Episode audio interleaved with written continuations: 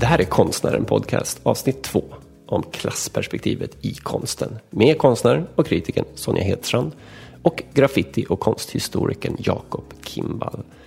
Det här avsnittet känns viktigt att göra. Det kopplar an till klassfrågan i konsten som vi har lyft i nummer tre av Konstnären 2023. Och det kopplar även an till svårigheterna som jag upplever i arbetet med att försöka förstå hur konst och konstnärer interagerar med samhället. För precis som Sonja och Jakob lyfter i avsnittet så blandar klassfrågan i konsten frågor kring normer och strukturer med ens djupt personliga historia och bakgrund och hur detta gör dig till antingen privilegierad eller missgynnad. Om du ännu inte läst Sonja Hedstrands artikelserie kring arbetsförhållanden för konstnärer så finns de artiklarna gratis på vår hemsida. Jakob Kimball medverkar i Konstnär nummer tre i Eva Magniszewskas artikel om klassfrågan inom graffiti. Jag som gör det här programmet heter Robert Stasinski, chefredaktör för Konstnärer. Producent för podden är Konstnärernas riksorganisation. Den här podden är gratis att lyssna på, men inte gratis att producera. Och vill du stödja podden och tidningen så är en årsprenumeration det absolut bästa alternativet. Det går enkelt att signa upp sig på kro.se konstnären. Och nu till avsnittet.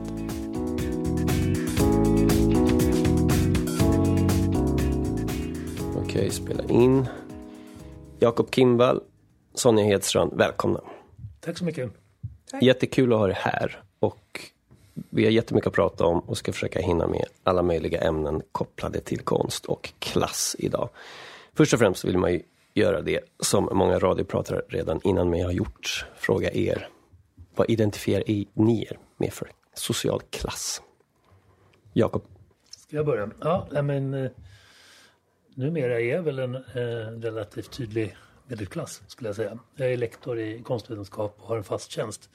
Även om det tog eh, ganska många år efter disputation. Så att, eh, jag tillhörde ju någon form av prekariat under en ganska lång tid med liksom visstidsanställningar, timanställningar och ja, tre månader, sex månader, mm. fyra månader och sådär. Så att eh, så då vet jag att jag, där tänkte jag att det var konstigt på något sätt.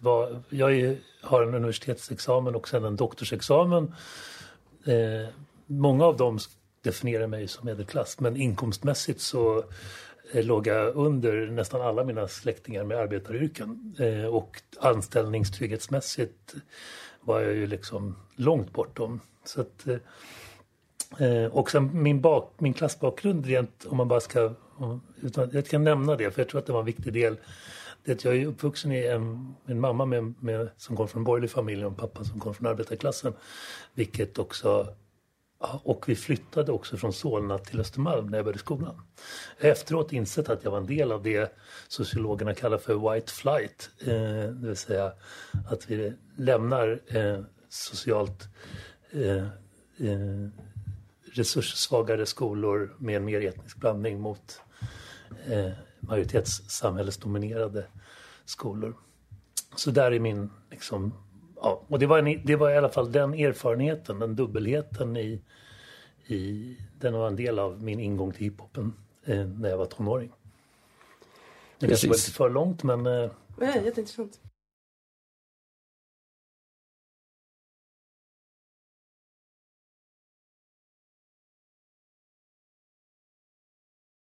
Väldigt intressant, precis. För, för du ska komma in på det sen. Du har en bakgrund både som, som utövare inom graffiti hiphopvärlden och eh, nu så, såklart eh, forskare och eh, skribent inom, inom konstvetenskap med fokus på, på just gatukonst.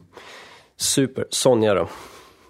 Ja, men jag är ju absolut medelklass. Jag har ju liksom 13 års högskoleutbildning eller sånt där. Det är helt sjukt.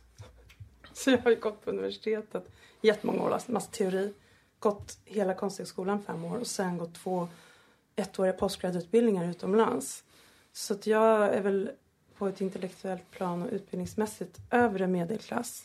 Och sen skriver jag i Dagens Nyheter vilket i vissa åldrar, åldersgrupper har väldigt hög status också. Men det, är, det kan vi återkomma till hur sådana här saker har förändrats. Men bland personer som är i min ålder, liksom 40-50 och äldre, så är det ganska hög status. Men jag träffar ju många unga som inte har en aning om vem jag är eller vad jag skriver för de läser inte det.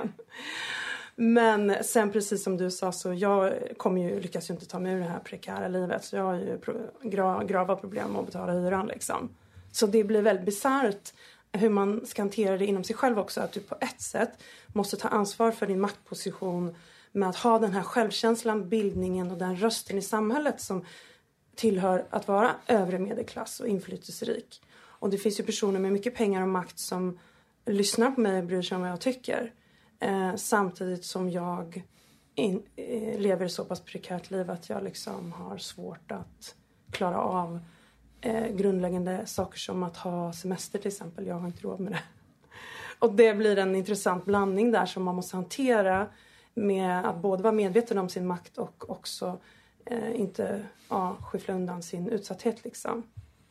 Men det kan vi återkomma till med hur klassbegreppet har förändrats som Jakob nämnde också. Liksom. Mm. Ja, men det är jätteintressant för att det ni nämner bägge två är att klassbegreppet inte är helt kopplat till vad man drar in för, för typ av pengar, vad man har för riktigt eh, koppling till trygghetssystemen och så vidare, även om det också har förändrats lite grann. Så, så en ingång är ju, är ju i, konsten och klassperspektivet är ju Sonja, många av de artiklar och artikelserien som du just nu håller på att skriva för konstnärerna, inte minst senaste numret om konst och klass, eh, där du generellt ofta listar de erfarenheter som du haft med kuratorer, framförallt institutioner eh, och så vidare. Hur känner du att det förhållandet eh, har sett ut för dig som konstnär och aktör?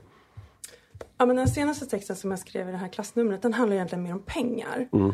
Uh, för att vi, alla vi som är högskoleutbildade konstnärer liksom, i den gamla definitionen från 1900-talet så tillhör man ju medelklassen när man har högre utbildning.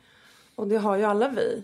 Men det blir också, om man bara säger medelklass så blir det väldigt osynliggjort Eh, de enorma skillnader i möjligheter och trygghet och så som finns inom den gruppen. Och um, det som jag har börjat inse nu när jag närmar mig 50 då, det är ju att så här, man börjar se att det är ganska många av ens kollegor som bara helt har försvunnit. Som man gick på skola med. Och sen vissa andra som bara glider på och börjar få ganska stora utställningar trots att man kanske inte alltid tycker att deras konst är så jätteintressant. och om man tittar på de här personerna som ofta, hela sitt nätverk, man känner ju så många. Då ser ju jag, jag vet ju lite grann vad de har för klassbakgrund. Och att många av de här som kanske kommer från, en kompis som var lästadian och kom från Borlänge och hade elva syskon och hade ingen hade utbildats i familjen och sådär. Hon håller ju knappt på med konst längre. Medan en eh, del andra som hette Fon och sådär och hade Eh, kom från kulturmedelklass och hade föräldrar som var jätteresursstarka och hade mycket kulturellt kapital, ett begrepp som vi kan återkomma till. Så eh, nu då bor i New York och säljer sina verk jättemycket och sådär. Eh, och det var då jag bara, jag har, man har ju vetat om det här hela tiden men nu började jag bara inse hur, därför att jag känner mig så misslyckad själv för att jag tycker det går så dåligt för min karriär. Och så började jag prata med andra konstnärer om det här som också bara kämpar på. Vi fick lära oss, det var ju sånt liksom liberalt eh, en sån liberal norm liksom när man gick på Mejan, Kungliga Konsthögskolan att eh, om du bara jobbar riktigt hårt liksom så kommer du få framgång till slut och det har ju visat sig att det stämmer ju inte. Så man blir lite lurad där och bara jobbar och jobbar och jobbar sju dagar i veckan år efter år efter år och till slut så börjar man när man kommer i den här åldern bli lite utbränd.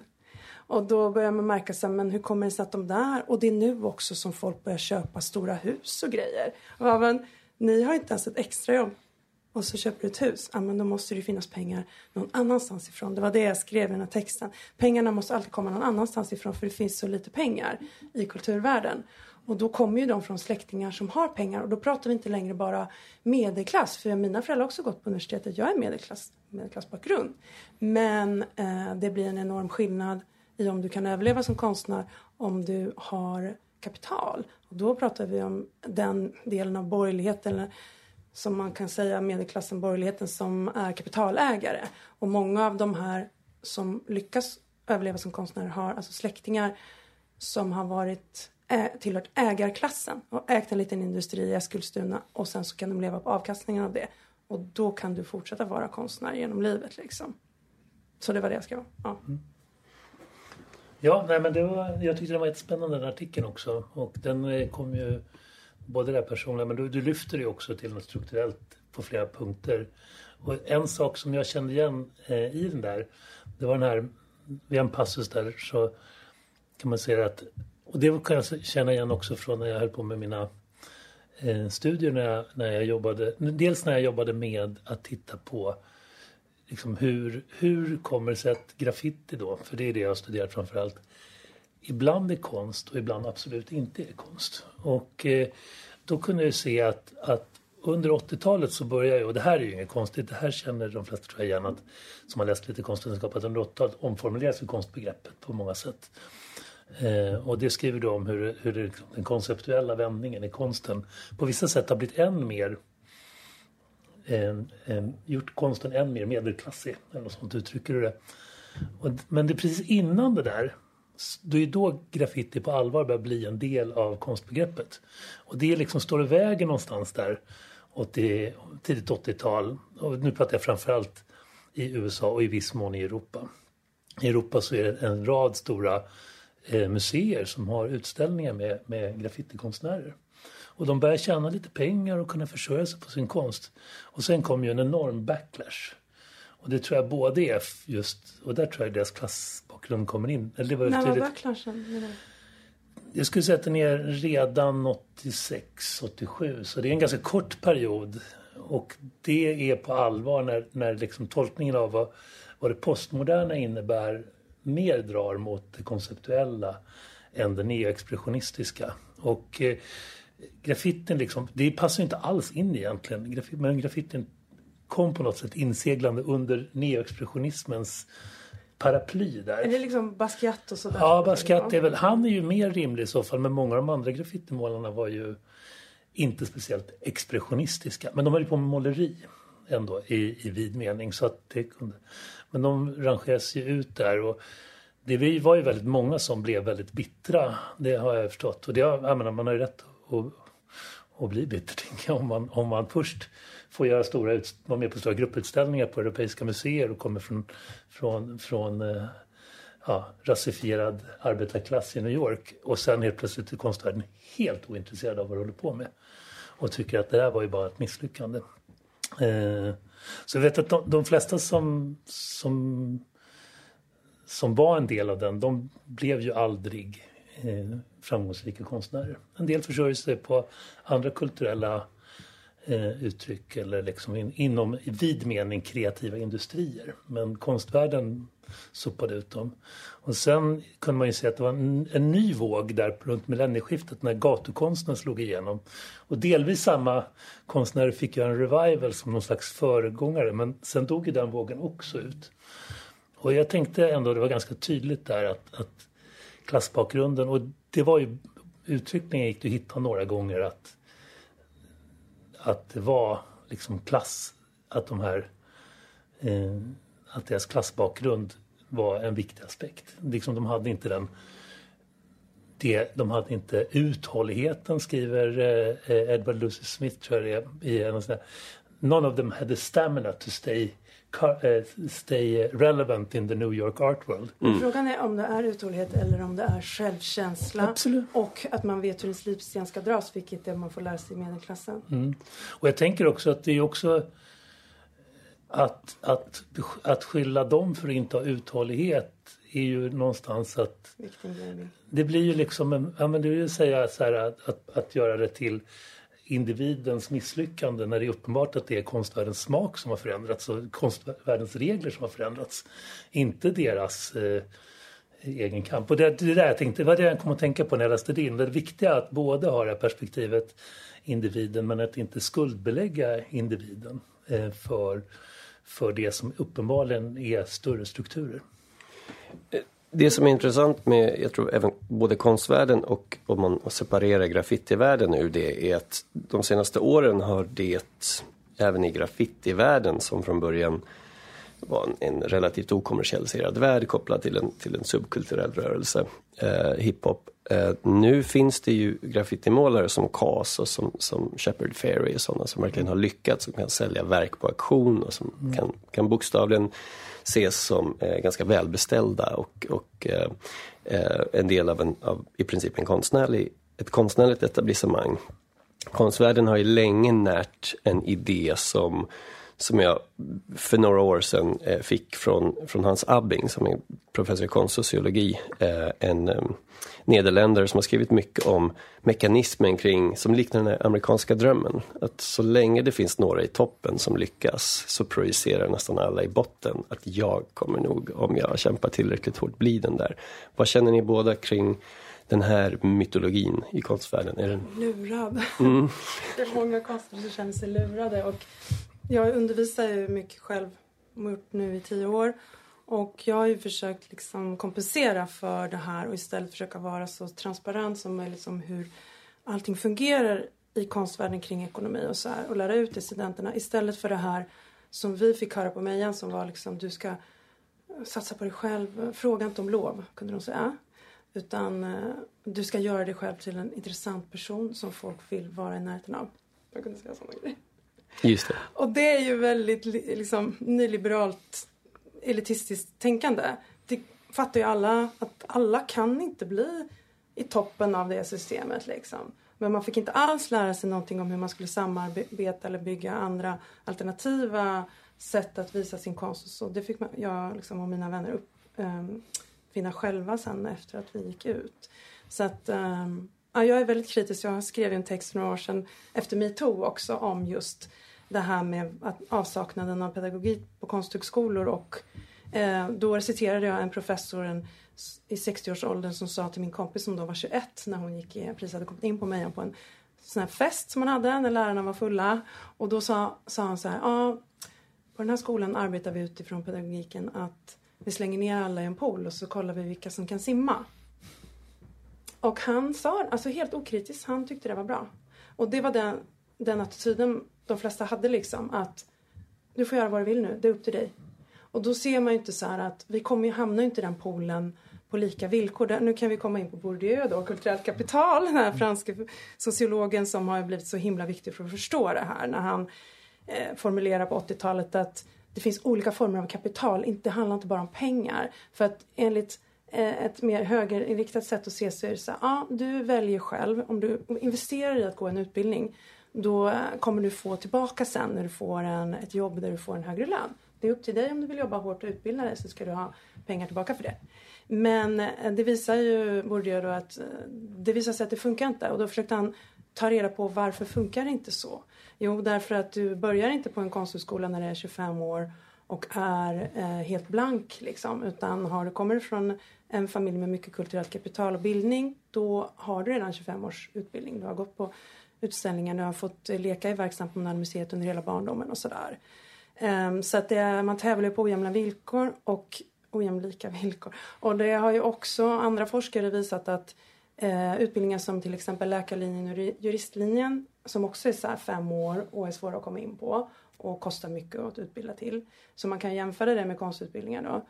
Eh, de utbildningarna har en tendens att jämna ut klassklyftor utifrån de som kommer in med olika bakgrund. Du kan komma från arbetarklass och ta dig in där för att du är duktig och har höga betyg. Och så kan du komma från en familj med massa överläkare som har varit chefer för sjukhus. Och då får ni en liknande utbildning och kommer ut på andra sidan och klassklyftan mellan de personerna är lägre. Medan det har visat sig i konstnärliga utbildningar är det tvärtom det är, eftersom de konstnärliga utbildningarna inte hjälper till med att jämna ut skillnaderna så förstärks de snarare. Det är så här, det är upp till dig, du kan göra vad du vill. Bara du kan göra dig själv med vilka medel som står till buds, göra dig själv till en attraktiv person.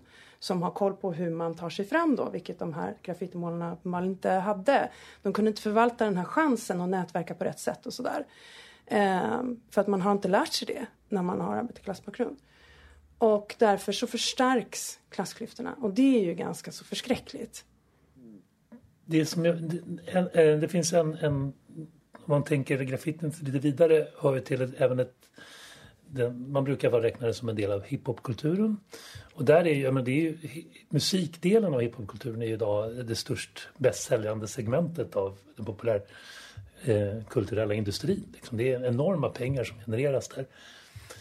Men det intressanta är ju där att, att och det tänker jag också ha med klass att göra lite grann, för att hiphopen har aldrig varit, som, till skillnad från punken, aldrig varit direkt antikommersiell.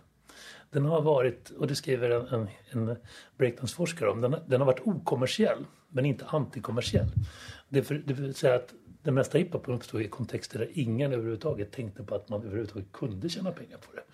Punken förhöll sig redan från början till musikindustrin på ett sätt där man kunde ta en ställning emot att vara kommersiell. Eh, men hiphopen hade inte det. Helt plötsligt kunde man börja tjäna pengar. Och tänker, en av mina min barndoms favoritskivor är Eric B. Rakims debutalbum Paid in Full. är ett typiskt exempel på det här. Det är, det är liksom, de, är, de, de skryter med att de tjänar pengar. Mm. Alltså, och det är inget problem. För att de tjänar pengar utan att eh, så att säga exploatera eh, sin position eller som att gimmikifiera sin position. Alltså det hiphopen är väldigt inne på att, att det, det finns väldigt tydliga antikommersiella, sell-out-begreppet finns ju definitivt inom hiphopen. Mm. Men det är inte att det handlar inte om att om man säljer och ändå är ärlig mot sina konstnärliga ideal. Då är det skitfint. Det. Men det är om du säljer ut dina ideal, det är bara då det är fult. Och där bryter det ju mot, tänka en, en mer medelklasslogik där det är fult överhuvudtaget att prata pengar och att, att sälja mycket. Just eh, och, och, där tänker jag att det finns en, en skillnad i alla fall. Eh, och jag märkte också det att många av de, de här pionjärgraffitimålarna som jag intervjuade de var ju väldigt stolta över att de hade sålt verk. Och jag tänkte också att det hängde ihop med, kom från en hantverkarbakgrund. Det är liksom samhället säger att det här är värt något. Jag säljer min tavla. Och en säger väldigt tydligt så här, the money part wasn't the important thing. The money was recognition. Det var ett erkännande att det man gjorde och det man ägnade sig åt var värdefullt. Och här tänker jag ändå att, att det finns en, en klassposition som skiljer sig från liksom, logiken i konstvärlden. Alltså jag håller på att förändras lite också för nu, det, pengarna har ju, mammon är ju allt idag liksom, så mm. pengarna har ju blivit finare i konstvärlden nu också. Mm. Det, men absolut att, det var det jag skrev i den här texten också, att det inte, handlar inte om att det är så synd om mig för att inte jag har pengar i familjen. Utan det som jag tyckte var jobbigt det var att jag kände mig gaslightad. Jag vet inte om det finns något bra svenskt ord för det. Men att jag har haft vänner i jättemånga år som inte har berättat att de är goda för flera miljoner. Eh, de, att man, vi kan sitta och prata om sex liksom, och jätteprivata grejer men ingen har sagt att de egentligen är miljonärer. Mm. Då känner jag mig lurad. Eh, det, det, är så konstigt, även om jag själv är medelklass så Ja, det är också kanske lite, det finns som sagt olika strata inom medelklassen. Jag kommer ju från en småstad också. Alltså, det är ganska stor skillnad med att växa upp i Karlstad eller att växa upp i Stockholm. Jag upplever att folk som har växt upp i Stockholm är ofta mycket smartare och veta hur de ska positionera sig, vad man pratar om och inte pratar om, vem man ska bli kompis med och inte och sådär. Vi som är lite lantisar, vi bara klampar in och eh, säger saker liksom som inte får och så eh, ja, så det, det, jag tyckte, jag känner mig lurad av det. Det känns sig oärligt. Men det kan vi också återkomma till, de liksom negativa grejerna. Jag tycker med, många saker med medelklassen är bra då. Det är ju så typiskt såklart, för jag är ju själv medelklass. Så jag tycker ju att den goda smaken i medelklassen är god. Så, ni vet, man är ju bara helt inne i sin egen grej. Eh, men jag har problem med de här eh, falska sidorna som handlar om att eh, man ska bli kompis med rätt personer. Och, ja, men jag skickar ju en skärmdump till dig. Mm. Jag får ju hela tiden så här meddelanden nu bara för att jag skriver i DN igen.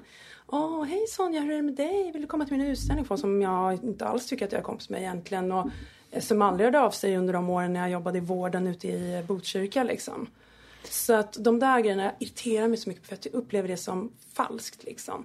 Att man är så otroligt noga med, jag tycker det är obehagligt hur noga folk är med att positionera sig, att bli kompis med rätt människor. För det liksom känns som ett så här oärligt liv, så vill inte jag ha det. Men det är ju jättestarkt, det är ju så man överlever i den här i kulturvärlden liksom. Men verkligen, vi, vi pratade om det som du sa och jag, eh, när jag började jobbade på Jaspis som projektledare när jag var 26 år gammal. Då var det så här, det är väl så här det ska vara. Alla vill käka middag med mig och alla vill bjuda mig på olika grejer. Freeze skickar så VIP-inbjudningar till sin öppning och sådana saker. Och sen eh, fyra år senare när jag slutar, då är det så här, hmm, var försvann alla de här äh, människorna som hade glassiga middagar och cocktails och roliga frukostar? Oh, kom på min födelsedagsfest och sådana saker. Så jag, jag, känner igen exakt vad du pratar om. Och ni nämner massa olika saker där, men en sak som jag vill gå in pyttelite på är skolorna. Så ni har båda undervisat eller undervisar nu på olika konstskolor. Eh, och Um, det som är intressant med, med, med konsten är som, som du säger Sonja, dels, dels den här det kontroversiella i att formulera en pedagogik för, för konstutbildningar. Det har varit ganska, en, en ganska lång tradition. Men eh, själv skulle jag nog vilja liksom koka ner det till det som jag nog har hört ganska många konstnärer uppleva i ett ateljésamtal, vilket är gör din grej. Eh, vilket det låter som en ganska, låter som en ganska oskyldig formulering av att ja, men Sonja, gör din grej. Vad innebär det? Um, och, och, det går att koka ner det på ganska många olika sätt. Dels att du ska veta hur du ska göra din grej. du ska ha medel eh, och resurser för att göra din grej. Och eh, du ska göra din grej men i relation till en värld som, som sitter, de är någon slags skattkista, det är de som egentligen sitter på, på dörröppnarna, portalen, resurserna och sådana saker. Så du ska göra din grej, men på något sätt ska du också förhålla dig till vad alla de här viktiga personerna tycker. Ehm, på ett sätt så har jag också sagt så.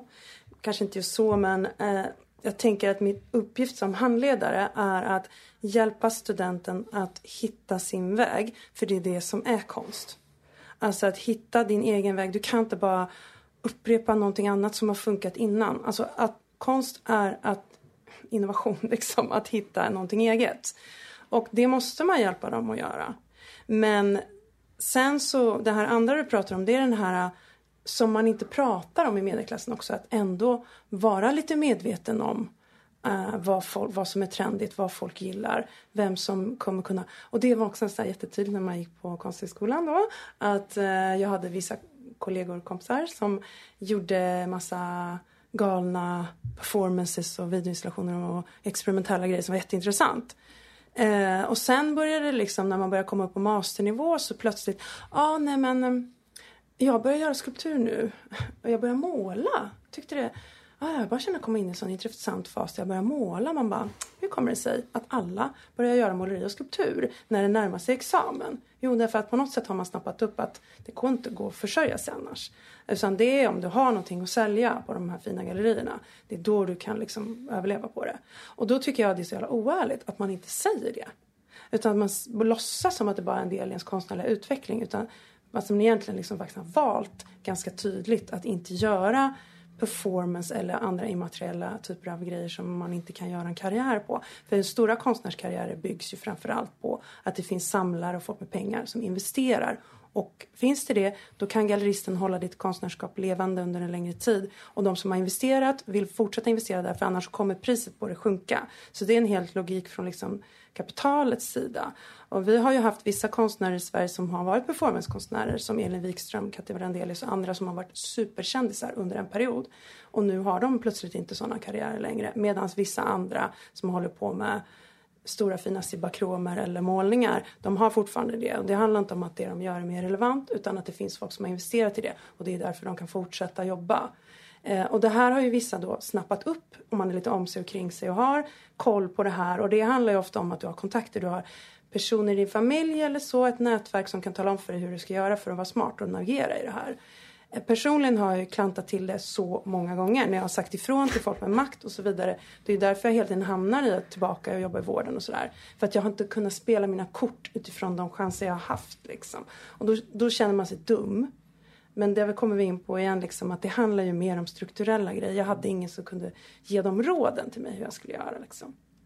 Du kanske inte ville spela det spelet heller? Det vill jag ju inte heller, nej. För jag är ju så här anti allt som har med makt att göra. Så jag snarare förstör mig för mig själv genom att på säga från till folk som har makt över mig. Och då blir det inte så mycket. Men apropå det med makten och definiera vad som är konst. Jag tänkte, jag brukar ju... Jag drog ju den här väldigt snabbt i början apropå man kan, jag kan ut och... Alltså, för det jag kunde identifiera när jag tittade på för jag, en del av min avhandling var att studera liksom, graffiti som konst. Eh, hur det pratas om som konst. Och då är det ju väldigt tydligt att, att det beskrivs i både graf, mer graffiti-specifika och i den fall det överhuvudtaget finns med något i, i konsthistoriska översiktsverk och liknande. Att graffitin det är något som kommer på allvar i konstvärlden på 80-talet.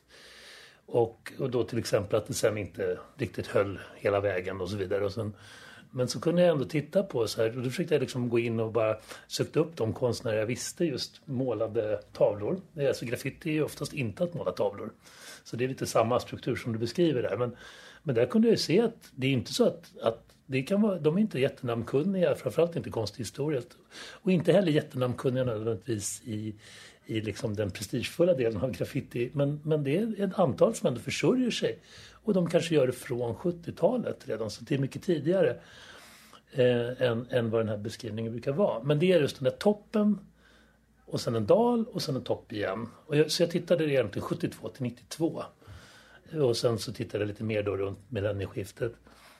Men då så läste jag en, en text som jag använde mig av som handlade om värde i konstvärlden. Och eh, det var eh, Lisbeth Rausing och Josef Körner tror jag de heter. Eh, och eh, Value. Och de har, det är mest en passus, jag vet inte hur, hur mycket empiri de har på det, men de konstaterar att konstmuseerna de fungerar som, de har the, de, de har the art, de har the, the Fort Knox of the art world. De fungerar mm. som guldmyntfoten. Så det är otroligt viktigt menar de där. Och de utvecklar inte jättedjupt men jag tror verkligen att de har en poäng. Att konstmuseerna, det är de som garanterar värdet. På the de, de har incollectible collectibles.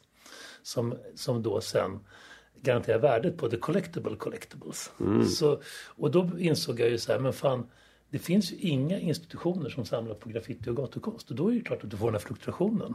Just det. Eh, för att det finns inget som garanterar värdet. Det kan hypas upp och sen faller det ner medan annan konst då åker lite mer upp och ner. Lite om, alltså det fluktuerar inte lika mycket. Så min, min målsättning var ju att försöka också att få in kunskap om graffiti och gatukonstens värdesystem i konstinstitutionerna för att de också, jag tycker att de ska, för att uppfylla sitt jobb så borde de samla även på konst, den här konstnärliga verksamheten. Och det skulle också ge en stabilitet till konstmarknaden. Nu brinner inte jag för konstmarknaden men jag tänker ändå att det är så uppenbart att den också spelar roll för individers möjlighet att försörja sig på sina konstnärskap. Och där måste jag tänka att jag måste försöka som, som konstvetare göra mitt jobb. Att upplysa. En, en slags folkbildning för, eller kanske snarare en elitbildning. För, för konstvärldseliten. Varför ni borde samla. Mm. Samtidigt som jag, när man försökte pusha det här så var det ju ofta från konstinstitutionerna. Men, men gatukonst och graffiti, det ska ju inte... Det, dör ju om vi börjar samla på det här. För det är det. ju inte... Det är liksom, det är ju antiinstitutionellt. Jag bara, ja fast konstvärlden samlar ju på alla möjliga saker som mm. är antiinstitutionella. Mm. Så det är liksom inte unikt för graffiti och gatukonst. Det, det handlar ju mer om, ibland blir det liksom en slags eh, väldigt bekväm jag brukar tycka att det blir en slags eh, frasradikalism ibland i konstvärlden när man liksom, när man liksom försöker hävda väldigt, och jag vet att det extra provocerad blev jag under den period som det var nolltolerans eh, i Stockholm. Det vill säga där, och det, i viss mån lever vi kvar i en slags postnolltolerans. Det vill säga, nu har jag inte tid att gå in, men man kan lite lätt förenklat på säga att under ungefär en 15 till 20 års period så jobbade väldigt många starka samhällsintressen på att sätta graffitimålare i fängelse. Och då blev det väldigt provocerande mm. om konstinstitutionerna sa att vi måste låta dem där verka ute. Men jag bara, men då, ja, jo okej. Okay. Men då måste du också ta fighten mot de här institutionerna som vill sätta de här mm. personerna i fängelse. Annars blir det ju bara tomt. Just det. Ja. Hur gick det då? Det gick inte så bra. Nej. Men nu när vi pratar om det här så kanske vi ska komma in på det här uh, kärnbegreppet smak. Ja. som är väldigt kopplat till klass och är väldigt avgörande liksom i, inom konst och design och alla de här områdena. Och eh, det har ju varit de övre klassernas smak som har styrt. eh, och det, ja, eller hur tänker du kring det med graffitin där? Ja men absolut, jag kan ju förstå. Jag är ju helt insocialiserad eh, på graffitins smak så jag mm. kan ju, jag, jag jag förstår ju ibland när jag pratar med kollegor att de tycker att det här är för skrikigt och för grällt och allt möjligt. Och inte liksom elegant eh, på det sätt som... Men, jag är, men däremot kan jag få syn på mig själv i relation till det här. Jag vet på en gång var en av dem jag har New York graffitimålare som jag jobbar mycket med så var vi på en vi var på en eh, Eat, Eat All What You Want buffé i, ute i, eh, långt ute i Queens. Och så, vi hade gått runt och fotat massa målningar och så kom vi in på den här restaurangen och så var det så här lite kitschig installation med, med, lite, med stenar och så kolsyrerök. Så sa han så här, Jacob, you should take a picture of that. Det sa han till mig och jag bara va? Han tyckte att jag fotar ju snygga saker så då borde jag även fota det här. Och då, då Mm, mm, mm. fick jag ju syn på min egen Ja. För jag bara, men jag kan inte ställa mig och fota ett Hela begreppet kitsch är ju någonting som eh, liksom den europeiska medelklassen har hittat på för att säga någonting som är för grällt som inte är Mm. utifrån våran smak. Men så att, men, men då får jag ju syn på liksom den här diskrepansen och min egen habitus eller min egen smak i viss mån. Men, men jag, är, jag, jag tycker ju ändå att jag tänker ju ändå att konstinstitutioner borde ju också just bygga upp kunskap om olika sociala gruppers smak och samla på konst som bygger på olika. För det är ju inte så att, att men det är väl också både jag som säger det, att smaken är avsmaken för andra människors smak. Eh, men alltså att, att det handlar ju ändå om att, att det är inte så att graffitin är smaklös i meningen att det, det, inte, det finns ju prestigesystem och smakpreferenser även inom Just det. inom graffitin. Så att man, det, är inte så, det är inte så att smak är, är helt irrelevant i, i en konstnärlig bedömning. Det viktiga är ju liksom just reflektera över sin smak och vilka smaker som får, liksom, vilka smakpreferenser som får ta plats i en konstinstitution. Just det. Men det kanske har blivit en större medvetenhet om det nu. För nu, förut sa man ju subkultur, nu säger man ju ofta taste culture. Har ni hört det? Att så här, man, man ingår i en viss smak man, för olika ja, musikstilar och så. Att man, det blivit en medvetenhet om populärkultur och sådär. Eh, men, jag, men jag tänker liksom av tradition så har det ju varit medelklassen som haft makten och då har man haft vissa smakideal. Och, och jag tänker att så här, det har öppnats ganska mycket på senare år i relation till genus och rasifiering och det utomeuropeiska och så. Det finns en medvetenhet om det att man aktivt börjar, ja men för, men det var inte länge sedan som professorer på Mejan kunde säga till studenter så här, men du ska inte måla på såna tjejiga färger. Typ rosa och, eller rosa och lila. För det var inte fint. Eh, det var ju inte många år sedan som man kunde säga så. Men det där håller ju på att förändras nu. Och jag menar i det större konstbegreppets utveckling så är ju det egentligen ända från 60-talet. Alltså när konstbegreppet liksom exploderar efter det här strikt modernistiska som håller på att måla in sig i ett hörn. Och då plötsligt kommer det in så här kvinnor som gör konceptuella konstverk av sina bebisars blöjor som Mary Kelly och sådär. Och då kommer ju också de här eh, graffitin och sen eh, nu på senare år så har det blivit en medvetenhet om kring liksom, eh, det utom europeiska invandrare, att man har en annan estetik och så här. Men just det här med klass är fortfarande lite, lite svårare för folk att hantera för det vi kan komma in på och liksom prata lite mer om det kanske, hur, hur, eh, varför det är mer komplicerat. Men eh, inom designen så var det hon Sandra Ahl, det var ganska, det måste vara 20 år sedan nästan, som skrev den där eh, Svensk smak? eller hon? Ja. hon ifrågasatte liksom den här otroligt starka normen om det minimalistiska skandinaviska och så. Så där har det ju varit en jättetydlig uppgörelse som kanske är ännu mer tydlig än i konstvärlden.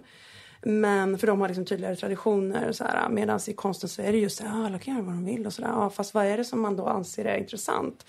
Och um, för länge sedan när jag var ung och började jobba på DN som reporter så tyckte jag det var så intressant när jag kom in i konstvärlden alla, det känns som att alla pratar så mycket skit om Österlens konstrunda.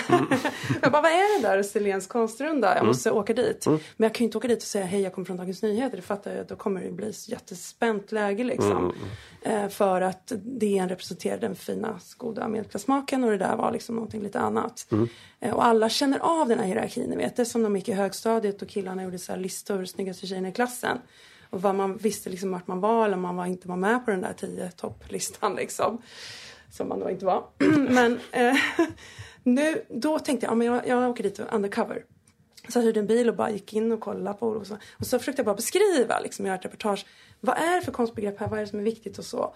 Och där var, kände jag, ja men det är tydligen väldigt viktigt att man till exempel får, besökarna får komma in i konstnärens ateljé och det är mycket så här penslar och måla färg och det är så här härligt liksom. Det representerar någon slags frigörelse så här, flytta till Österlen och måla, gud vad härligt och så här.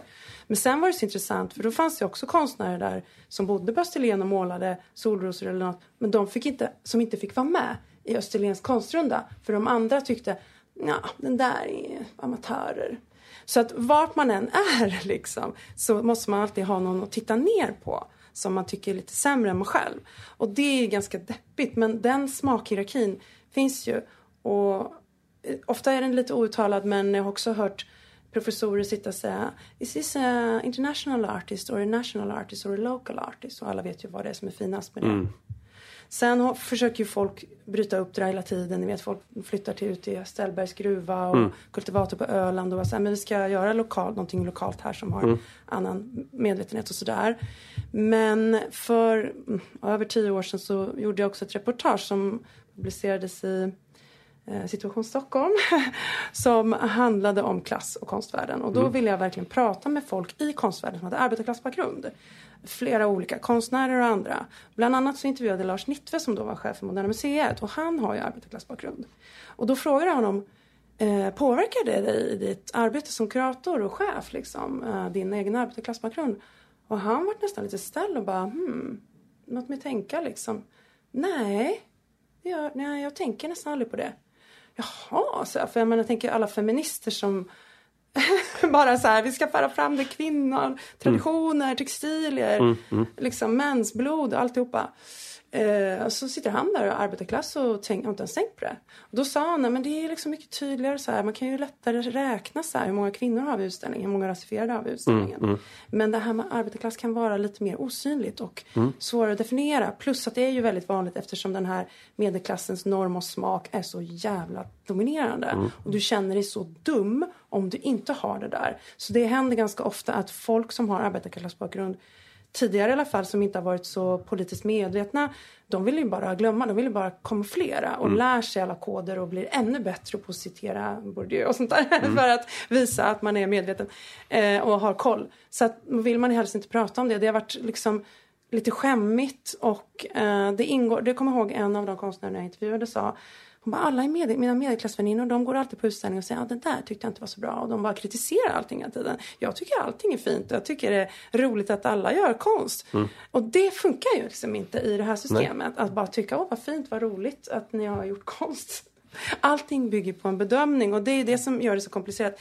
Även om jag själv jobbar mycket med maktstrukturer och så här så är jag kritiker också och jag gör ju de bedömningarna hela tiden. Är det här intressant? På vilket sätt är det här intressant?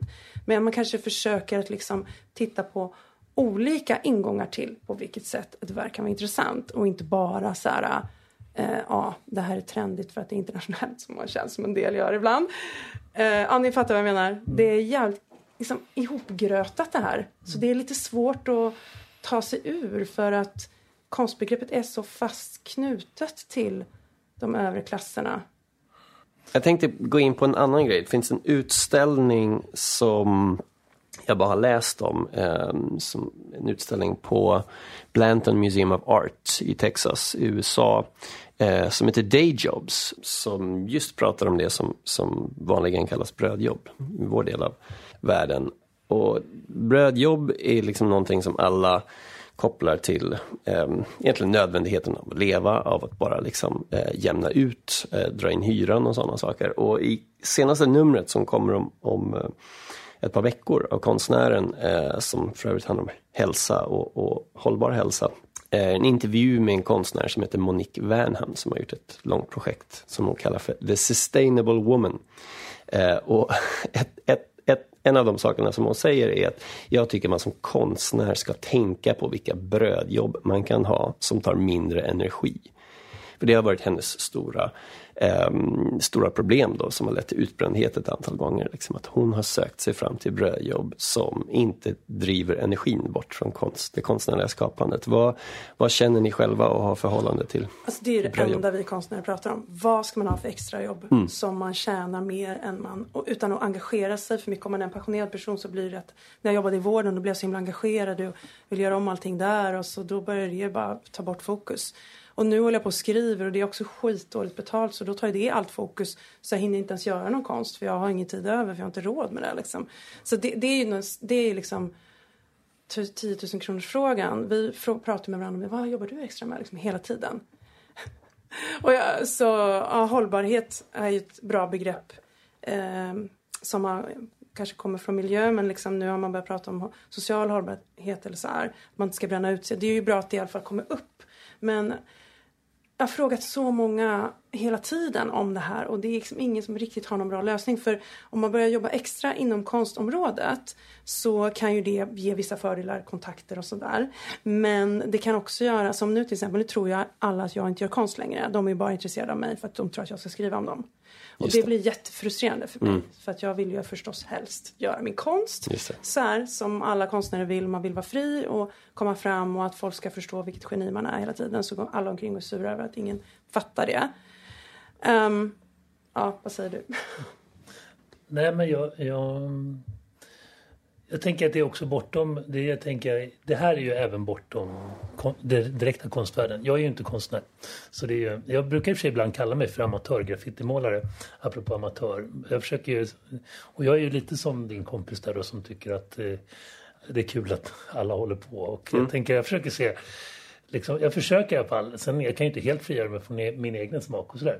Men jag försörjde mig ju väldigt många år på olika brödjobb genom att jag var eh, drev olika kulturprojekt. Så även där jobbar man ju liksom ofta, de ger ju nästan aldrig i nästan 20 år var jag med och drev en graffititidning som jag tror sammanlagt gav mig 13 000 under de 20 åren i lön. Eh, så det kunde jag inte försörja mig på. Men, eh, men det, så det är vården som, som jag också har försörjt mig mycket i. Men, eh, det var ju...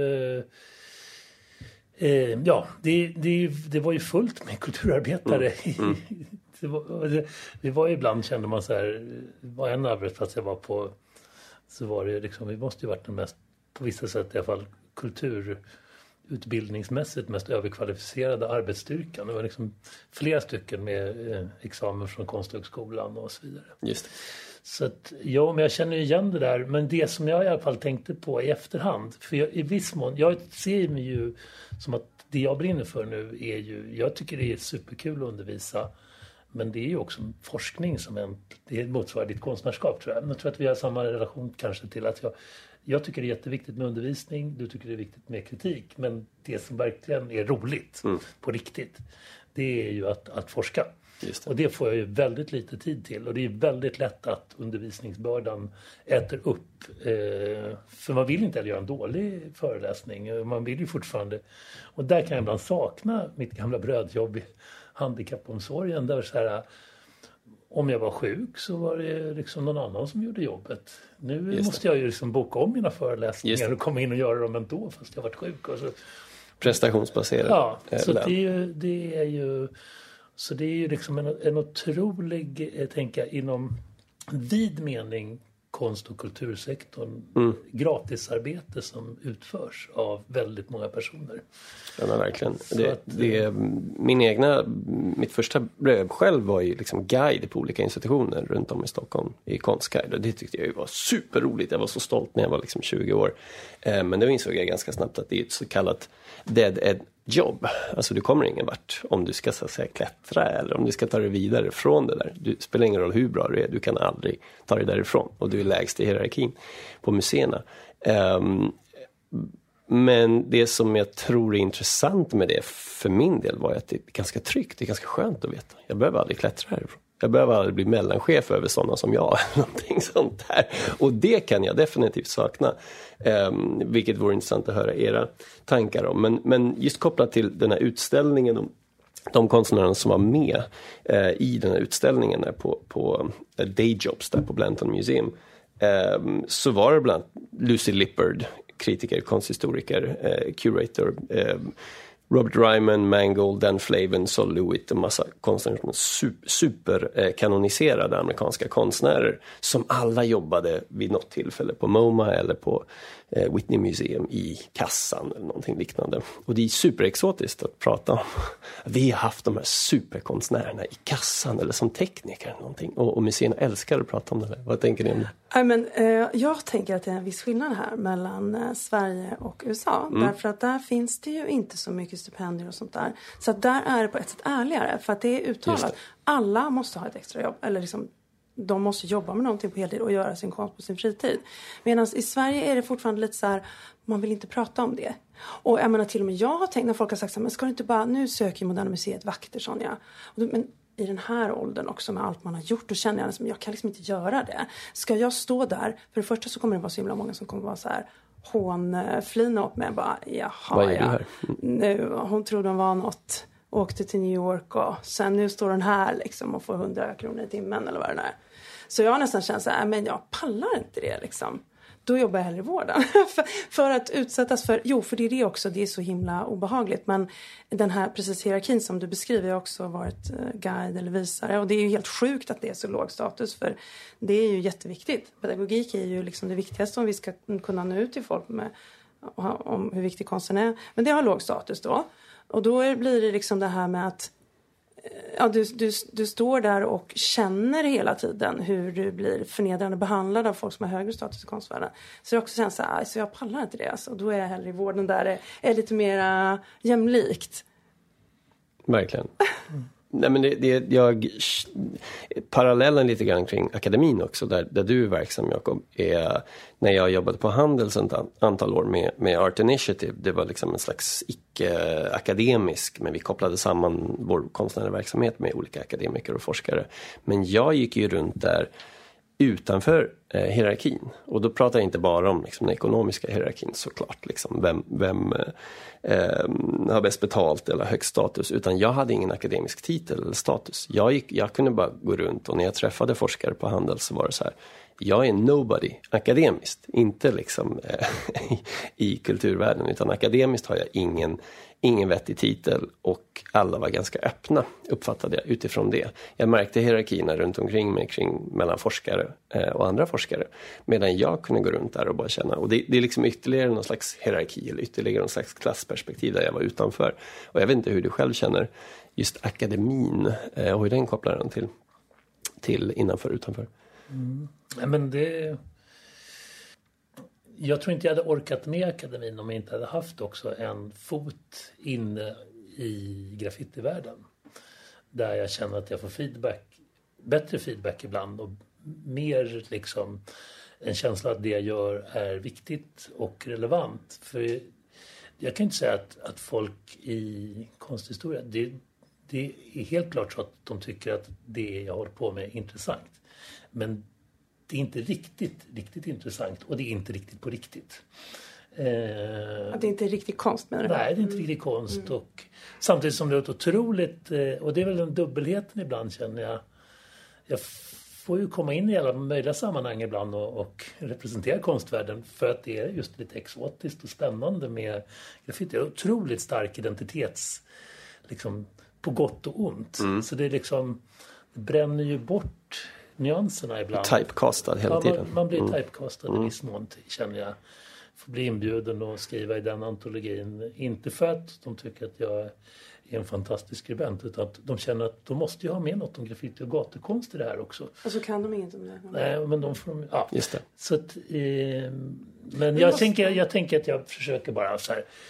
Jag har inga ambitioner och jag hade ambitionen att, att få ett fast jobb där jag kan försörja mig. Och det tog mig åtta år efter disputation och nu har jag det. Jag har en ambition att, att liksom att vara inkluderande i alla processer som jag försöker delta i på olika sätt. Men jag har inte ambitionen att bli professor eller, eller liksom docent hoppas jag på att kunna bli någon gång men jag har inte ens orkat titta på den där. Några har frågat om jag inte borde skicka in en docent, docentansökan för det är ju det jag borde göra nu efter sådär 8-10 år efter disputation. Nio år är det nu. För då är det, jag har publicerat ganska mycket men jag har ju också jobbat jättemycket med folkbildande text med mm. någon slags gränsland mot konstkritiska. Mm. Med kulturhistoria. Mm. Och de, den typen av texter har ju relativt låg status i akademin. Katalogtexter jag tackar jag alltid ja till det för jag tycker det är jättekul. Dels för att jag tycker om att läsa katalogtexter. Eh, och dels för att jag vet att de faktiskt blir lästa av folk som är intresserade av ämnet. Just. Eh, men de har ju, alltså, nu det gäller ju inte bara mig, det gäller ju konsthistoriker överlag. Mm. Att vi publicerar ju rätt mycket katalogtexter och i akademiska sammanhang så är de inte speciellt meriterande. De finns ju inte med på norska listan och så, de är men de är ju superviktiga. Jag vet inte riktigt om det var svar på din fråga, men, men, men jag tror att, att det är viktigt att hitta, om man är i konstvärlden i alla fall, tänker jag att det är viktigt att hitta flera sammanhang där man känner att man är viktig eller att det man gör är viktigt. För mm. samlare och institutioner kommer inte vara de, de kan vara ganska nyckfulla tror jag. Och, det. och på samma sätt tänker jag att institu- konstinstitutionerna, forskningsinstitutionerna också kan vara ganska nyckfulla. Just det. Får jag säga en grej bara om det där med din roll på Handelshögskolan? För jag tycker det är så intressant. Nu kommer vi tillbaka till Bourdieu igen här. Nämligen att de här människorna, det här är ju bank, alltså han kallar dem för bankmännen. Bankman, visst var det han som sa det? Eller så har jag blandat ihop dem med någon annan. Så här, bankmannen behöver eh, konstnären och konstnären behöver bankmannen. Och det här visar vilken roll konsten har i relation till borgerskapet och ägarklassen. Därför att, eh, kommer ni ihåg när man var ung och så läste man så här, ah, de här konstnärsbohemerna som bodde under takåsarna i Paris och drack vin hela tiden och ah, var så fattiga och de frös och, och jag fattade aldrig liksom hur kunde de göra det? Hur kunde de göra konst om de, konst om de inte hade några pengar? Hur kunde de betala hyran på de där vindsvåningarna i Paris. Och då är det ju det att när det var så här, åh nej, nu håller jag på att svälta ihjäl. Då fanns det alltid en onkel eller någon som man kunde skriva till och fråga, åh kan du skicka mer pengar? Så att det var ju inga personer ur arbetarklassen eller trasproletariatet som går, ah, nu ska jag skaffa en vindsvåning i Paris och och dricka vin och prata om meningen med livet liksom. Utan det är ju avhoppade borgare. Ja. Så att hela bohembegreppet och mycket av det moderna konstbegreppet bygger ju på att det är en borgare som gör uppror mot sina föräldrar och blir bohem. Och eh, där kommer vi liksom in på problematiken med liksom ja, hur konstbegreppet har utvecklat sig i- Europa, liksom, där det kommer ifrån. Och det som vi fortfarande lever under nu, som ju håller på att brytas upp lite. Men jag menar att ja, historiskt då, om man tänker... Det, det finns ju en, en kärna liksom, i reaktionen mot uh, Eh, upplysningen. Ni vet med eh, romantiken som kommer i slutet på 1700-talet, början på 1800-talet. är ju både en protest mot liksom, industrialisering men också mot eh, det rationella tänkandet och det som egentligen leder fram till politiska rörelser och, och yttrandefrihet och allting sånt. Men där tyckte konstnärerna att nu måste vi fokusera lite mer på känsla. Och det är ju såklart viktigt. Men i samband med det händer ju också det här med att aha, om det inte är rationellt att bli, hålla på med konst, då är det någonting annat. Då är det något mystiskt. Det är någonting som kommer bara som en genidrag från Gud eller något. Och där börjar den här mystifieringen som ju fortsätter in i hela modernismen och finns under hela 1900-talet som jag tycker blir lite extrem när man har pratat om det går inte att utbilda konstnärer. Det är någonting du bara har. Vi slänger ner alla i en pool och så kollar vi vem som kan simma. Vem som har det. Eh, och det är ju väldigt problematiskt utifrån ett maktperspektiv. För då är man blind för alla intersektionella makt, eh, liksom det nätverket av vilken position du har utifrån eh, ja, ekonomi och klass och bildning och utländsk bakgrund och kön och alla möjliga grejer som då in, bara har... Ett tag var det ju bara vita män i medelklassen som var goda konstnärer. Det var inte så himla länge sedan. Och sen började man bryta upp det. Men Förstår du vad jag menar? Där var ju du då den här trickster-personen som alla tycker är lite attraktiv. Eller hur? För du inrättade inte i hierarkin som den tråkiga borgaren gör där man ska göra karriär och göra det som pappa vill att man ska göra och tjäna pengar.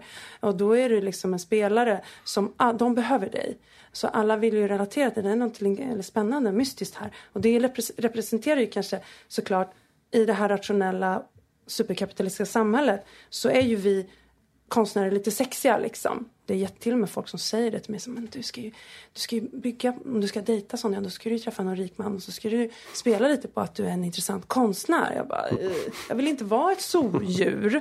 Men det finns ju där. Att vi representerar en annan dimension som pengar inte kan köpa, men de vill ändå köpa det. Vi, de vill växla sitt kapital ekonomiska kapital mot vårt kulturella kapital. och det är det som Bourdieu pratar om. Men det här har ju också förändrats. Uppenbarligen, jag har ju ganska mycket kulturellt kapital.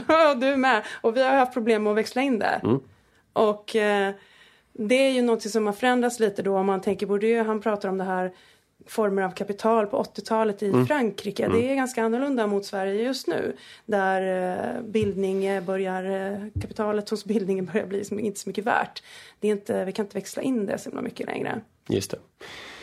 Ja, men det är jättemycket spännande tankar som du har Sonja och eh, jag tänker en- del av det är ju såklart som du säger att vara en spelare utanför och att eh, på olika sätt få klasser att samlas och kanske i någon mån gnugga av sig på olika typer av kapital på varandra. Liksom. Eh, och det är inte alltid det funkar. Och då, en sista grej som jag ändå vill, vill Ehm, kanske förhålla mig lite till här lite längre och höra vad ni tycker om är ju idéerna, eh, dagens idé om, om gigarbeten, prekariat, eh, olika typer av eh, arbete för att få arbete. Eh, och konsten ehm, är ju ett, ett praktexempel på en plats där man måste arbeta ganska hårt. Men även akademin med ansökningar, forskningsmedel och så vidare. Du måste arbeta ganska hårt för att försöka ha en chans att få medel.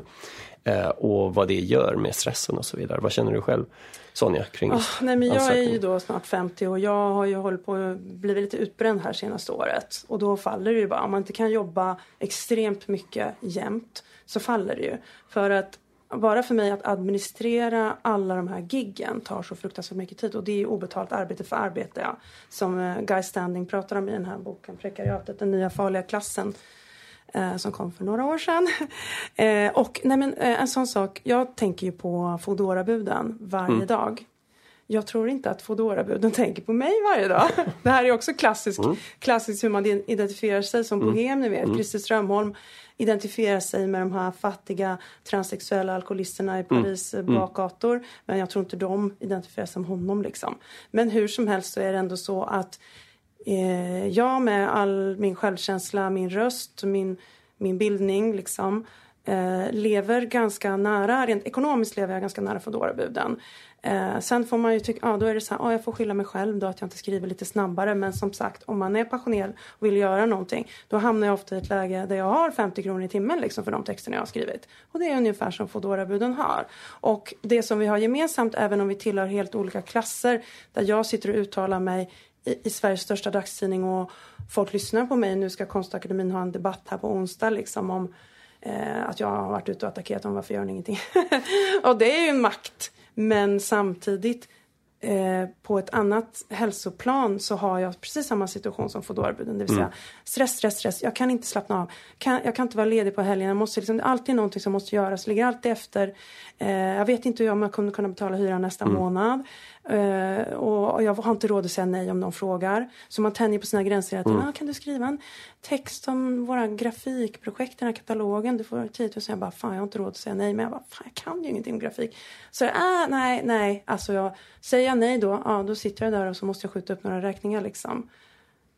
Så det prekariatet som Guy Standing pratar om är ju en sätt att definiera klass som skär igenom de här mer traditionella klassformuleringarna. Mm. Och jag kan ju tycka att eh, nu funkar ju inte riktigt den uppdelning vi har längre med arbetarklass, medelklass och överklass. Eh, det kanske var mer relevant under 1900-talet men det var egentligen inte helt korrekt även då. Då var det mycket att det definierades utifrån liksom den eh, manliga industriarbetarklassen som var arbetarklass är och sen fanns det ju hela tiden massa andra prekära kvinnor som gjorde gratis hushållsarbete, romer och andra som fick, var tvungna att bli de här strejkbrytarna som man hatar så himla mycket i fackföreningen. Alltså de där strejkbrytarna, det var ju trasproletariatet, de var ju ännu mer utanför, de var ju så utanför så de fick inte ens en anställning. Så där kan jag känna att det här behöver vi liksom omformulera. Och som jag var inne på innan då, att inom den här stora breda medelklassen så finns det ju en mycket känd konstnärschef, No Names, i Stockholm för några år sedan sa så här till mig, ja vi är medelklassen Sonja. Och tänkte jag, hmm, ja jo alltså visst, vi, vi har ju läst konstvetenskap båda två och kanske har liknande smak och värderingar om mm, vad som är bra mm. konst. Men han kör sin BMW i bussfilen och bor i en stor villa. Jag cyklar runt på en rostig cykel och har en hyresetta som jag knappt kan betala hyran på. Är vi verkligen samma klass? Mm. Vi är ju det på ett plan när det gäller liksom rösten i samhället. Men ekonomiskt är vi inte alls det. Och det ekonomiska påverkar ju i längden att det är ju nu vid den här åldern som många bara faller ifrån och rasar ut liksom och måste ja, börja jobba som personlig assistent igen och så fast man har ett superfläskigt CV. Men det handlar om att resurserna i konstvärlden är så himla få och de blir mindre. Eh, det är ju man gör ju väldigt mycket jobb eh, som är väldigt lite betalt. Eh, jag är i viss mån valt att inte... Jag, gör ingen, inte, jag har gjort några gånger jag har gjort egna forskningsansökningar. De har aldrig flugit. Nej. Jag känner bara så här. Eh, ganska tidigt redan i doktorand så var det så här. Jag har ju mer gjort de här... Eh, alltså att jag gör de här texterna. Mm. Eh, det är lättare för mig att sälja in en text och åka någonstans än att sälja in resan till en stipendiefond. Mm. för att det, finns, det är ju också för att det finns ett visst intresse mm. av att göra det här. Men jag tänker också att det som Sonja var inne på med det här liksom, det är ju det att vi, jag tror att vi alla någonstans är uppfostrade i 80-talets Bourdieu-klassbegrepp och inte i det marxistiska eh, äldre klassbegreppet om liksom, ja, kontrollen över produktionsmedlen och, och, och, och, möjligheten att bestämma över sitt, sitt arbete, eh, mervärdet av ens arbete och sådana saker. Som jag tänker så egentligen kanske vår tid är, är tillbaks. Borde, vi borde mer definiera. Och jag tänker så som jag förstår den marxistiska så är det snarare så att det är egentligen två klasser. Det är så vi som arbetar för vår lön, vi som är lönearbetare, mm. vi arbetare. Och, och de som kontrollerar produktionsmedlen är, är de som är kapitalisterna, de som kontrollerar medlen. Ägarklassen. Mm. Ägarklassen. Mm. Och, och, på det sättet så blir det mycket mer logiskt att säga att du är i samma klass som som eh, Foodora-buden. Även mm. om du mm. också är i och för sig med den i, samma, i viss mån i samma klass som fortfarande som konsthallschefen också kanske. Men det är uppenbart att ni har ändå väldigt olika tillgång till resurserna. De ekonomiska resurserna. Eh, och möjlighet att styra över vad som är eh, över, över arbetstid och vilka arbetsuppgifter ni ska ha. Du måste tacka ja till den här katalogtexten fast du egentligen känner att det här är ju inte det jag är inläst på. Då måste du förmodligen göra ett jättejobb och läsa in det på saker som, mm. som egentligen inte rymmer Arvodet rymmer inte den inläsningen och så är det ganska ofta när man är, är lärare också tänker jag. Man får ju, är man lärare i konsthistoria så, det, mitt absolut värsta föreläsning jag någonsin har gjort det var ju, fick, man får ju man, universitetssystemet bygger ju i princip på att man får ju sex timmar för två timmars föreläsning, lite förenklat. Så då skulle jag göra en föreläsning eh, om sex, vad blir det, ja, typ 6000 år egyptisk konsthistoria. Fyra timmar på sig att läsa in sig. Oh. Tack och lov fick jag ta liksom, den tidigare föreläsningens presentationer. Mm. Mm. Och så insåg jag också så här, det jobbiga är ju att det här är ju lite som graffiti. Det finns ju folk som gillar det här. Mm. Exakt, och som kan det här. Alltså bortom, som inte har någon koll mm. på... Alltså, det, jag förstod att det kommer till minst tre personer som är mer kvalificerade än mig att göra den här föreläsningen. I alla fall rent sakmässigt. Ja. Mm. Så jag kommer ju få frågor om det här som jag inte kommer kunna besvara. Och det fick jag ju också. Ja. Och fick lite hjälp. Jag, jag, men då, då är min lösning brukar ju vara så här. Ja, jag är konstvetare. Jag kan en hel del om konsthistoria. Jag vet faktiskt inte speciellt mycket. Nu har jag läst den här boken. Eh, om det är någon som kan mer så får ni gärna hjälpa mig. Om någon ställer någon. Och det blev, men det blev en ganska bra diskussion mm. Eh, under samtalet. Men det var ju några som kunde peka ut ja, att det där är Isis eh, som, som jag inte kunde identifiera då till exempel. Alltså det är så eh. stressigt att vara medelklass för att ni vet när jag gjorde det där reportaget om arbetarklassen i konstvärlden då var det en kille som sa så himla bra grej. Han bara, arbetarklassen för mig det är trygghet. Precis som du sa. Mm. Jag är här, jag vet att jag kommer inte komma någon annanstans. Utan det är det här jag ska göra. Medan medelklassen är ju så ängslig och så jävla störig. Mm. Med att hela tiden försöka klättra upp och rädd för att ramla ner. Du måste bevisa hela tiden. Jag sökte ju en, en vikariat som adjunkt på Valand nu. Mm. Alltså det var helt vidrigt. Alltså, det är som en bibel min ansökan där jag skulle mm. sitta och hävda mig på engelska och med massa fina begrepp om allting som jag har gjort. Och man skulle visa, ja ah, jag har gjort det är som deflation också. Du ska visa att du har gjort tio publicerade forskningsprojekt och att du ska ha mm. publicerat läromedel och att du har ett internationellt nätverk. Och mm. så ska man försöka vrida och vända på att få till hur, att man själv är bäst. Och jag fick inte ens vilket. och det är liksom så här, så jävla jobbigt att vara med alltså, Om man inte har pengar mm. så är det jobbigt. Precis det du beskriver. Att man ska hela tiden visa att man är så duktig. Mm. Det var bra Nej, nu håller jag käft för det var en bra avslutning. Ska vi sluta? Alltså jag är så jävla kissnödig. Men eh, Jakob Kimvall, Sonja Hedstrand, stort tack att ni har varit här idag. Tack. Tack.